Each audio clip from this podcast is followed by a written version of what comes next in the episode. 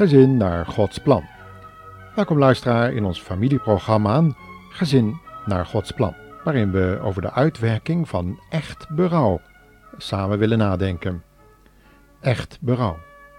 Paulus noemt het een droefheid naar God. Wat is dat eigenlijk? Laten we binnen het kader van deze overdenkingen nog eens daar de Bijbel over naslaan.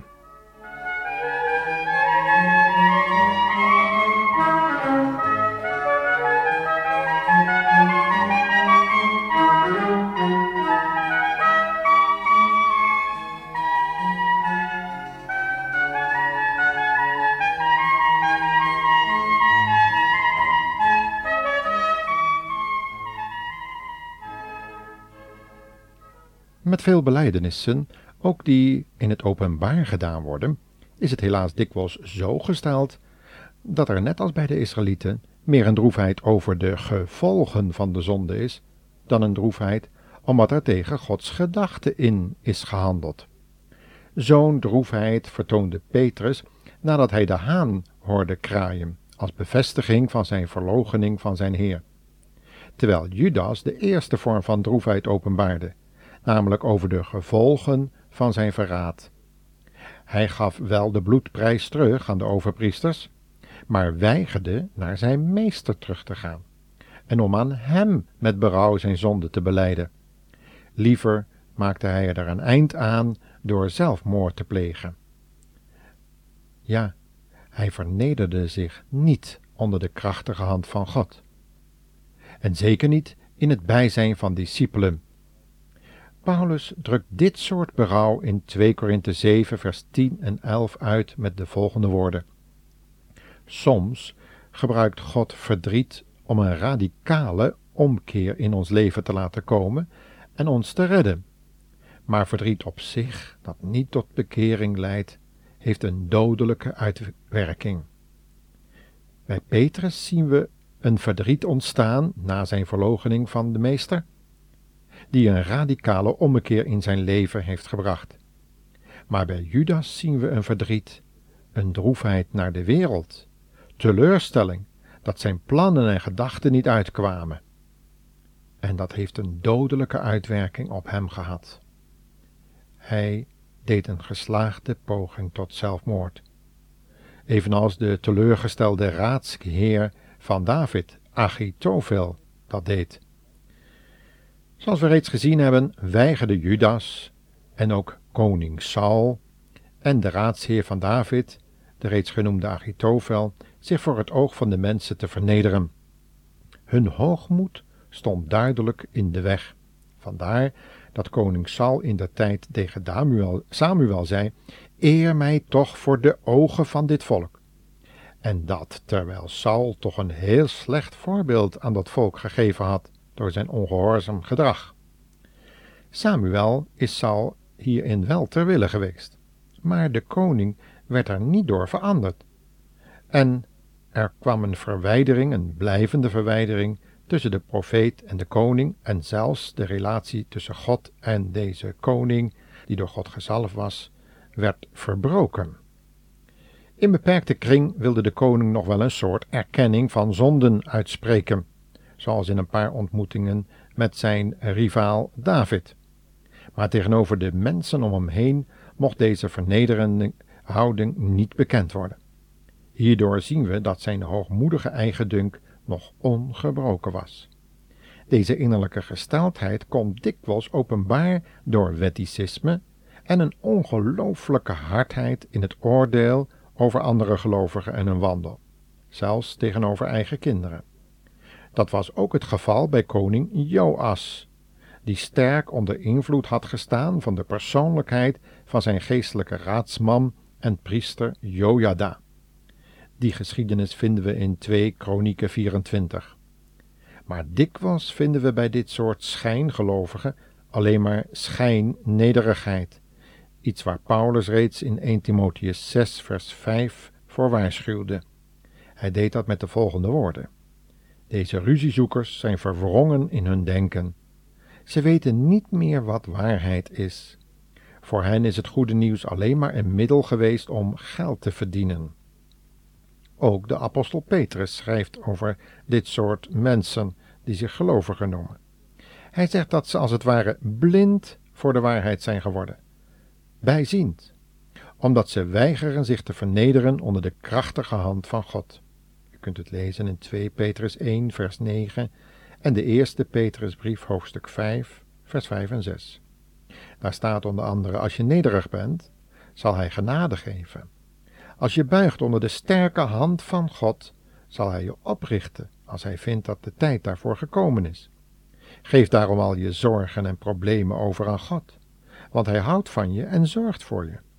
Maar zie je situatie goed in, want Gods tegenstander de duivel gaat rond als een brullende leeuw, op zoek naar een prooi, om die te verslinden.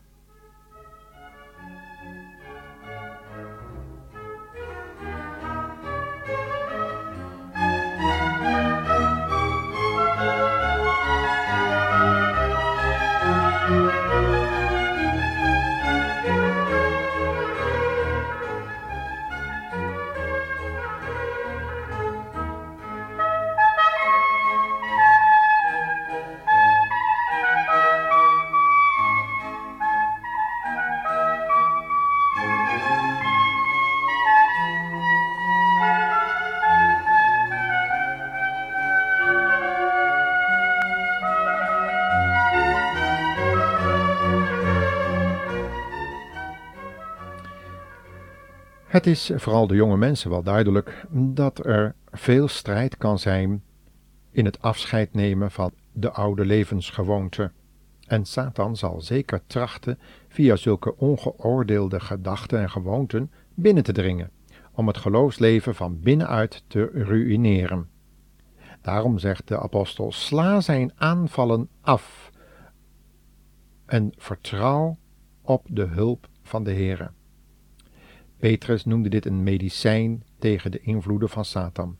Maar helaas vindt Satan vooral bij jonge gelovigen vaak ingang vanwege de natuurlijke trots. Wanneer pas bekeerden in het begin nog hoog opzien naar oudere gelovigen en behoorlijke zelfdunk hebben ontwikkeld, misschien wel door studie, bemerken ze al spoedig dat ook de mensen om hen heen nog steeds een zondige aard hebben, ook al zijn het dan gebroeders en zusters. Soms horen ze een vleeselijke opmerking en zien ze een zondige reactie bij een broeder of zuster die ze voorheen waardeerden en hoogachten, en besluiten dan maar meteen dat zo iemand vast geen echte gelovige kan zijn, want dan zouden er zulke dingen in zijn leven niet kunnen gebeuren. Maar ze vergeten dat ze zelf wel zullen falen en meestal heel spoedig na zo'n opmerking. Dikwijls is een hevige depressie dan het gevolg. Soms slaan ze dan geestelijk op de vlucht en besluiten dat ook zij zelf zich kennelijk vergist hebben en hun bekering niet echt geweest moet zijn. Het opnieuw lezen van Romeinen 7 kan dan de ogen weer openen voor het gevaar waar ze lopen. Ook de ruzie tussen de grote Paulus en minzame en vroeger zo geestvervulde Barnabas kan duidelijkheid geven over de ware aard van de oude natuur die gelovigen nog steeds mee omdragen.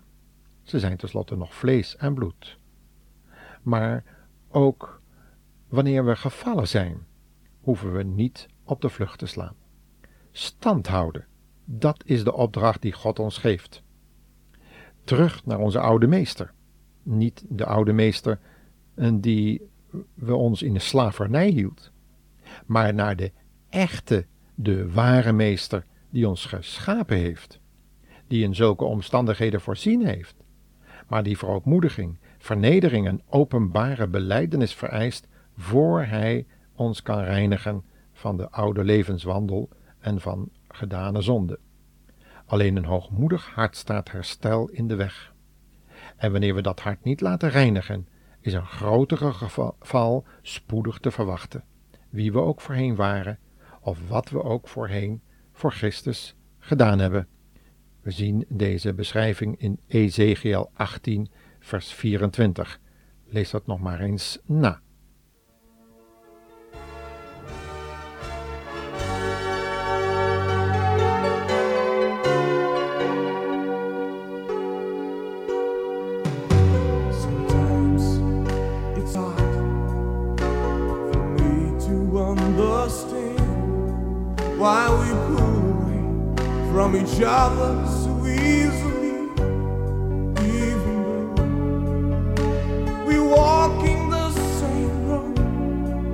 Yet we vilify the wounds, between our brothers,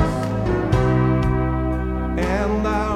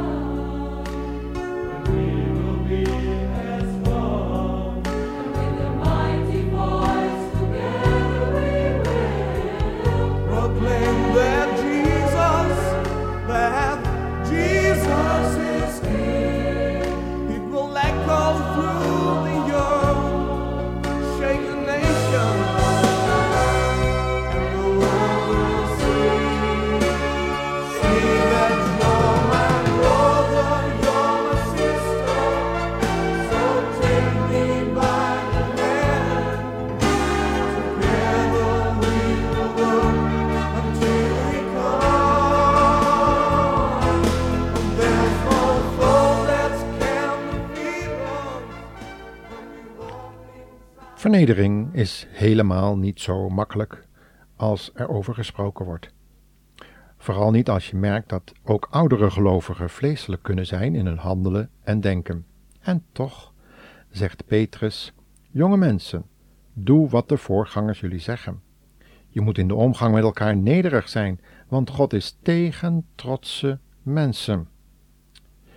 Het is de geestelijke houding die de jonge Samuel tegenover de afgevallen of vervallen priester Eli innam, die God kon gebruiken om zijn volk leiding te geven en tot verootmoediging te brengen. Samuel kende de waarde van nederigheid en werd daarom door God op zijn tijd verhoogd en dwong respect af bij het volk. Dat betekende niet dat automatisch je kinderen ook meegaan in die weg van zelfvernedering. Genade is geen erfgoed, zeiden de reformatoren in hun tijd. Je moet het wel willen ontvangen en er ook uit willen leven, ook als kind van een godvruchtig ouder. Het is bekend dat de kinderen van Samuel helemaal niet de weg gingen die hun godvruchtige vader ging. En het is evenzo bekend dat Alexander Crowley, een van de voorgangers van Satanistenkerken, en degene die de drugs ontwikkeld heeft, dat deze man een zoon was van een van de bekendste Engelse evangelisten en die heel veel voor vele mensen heeft willen betekenen en kunnen betekenen. Zijn zoon ging een totaal andere weg. Wanneer we leren om te gaan met onze emoties echter en leren luisteren naar de stem van Gods Heilige Geest, die bij de wedergeboorte werd gegeven, dan zullen we merken dat Gods hulp in beproevende omstandigheden zeker zal komen. We luisteren dan dankbaar naar de raad van ouderen die voor ons vaders en moeders in Christus wilden zijn. Kritiek op oudere gelovigen leren we dan in het gebed bij de Heer Jezus te brengen en in het juiste licht te zien. Want alleen Hij kan ons leren hoe we met dit soort soms grote problemen kunnen omgaan. Tot de volgende uitzending.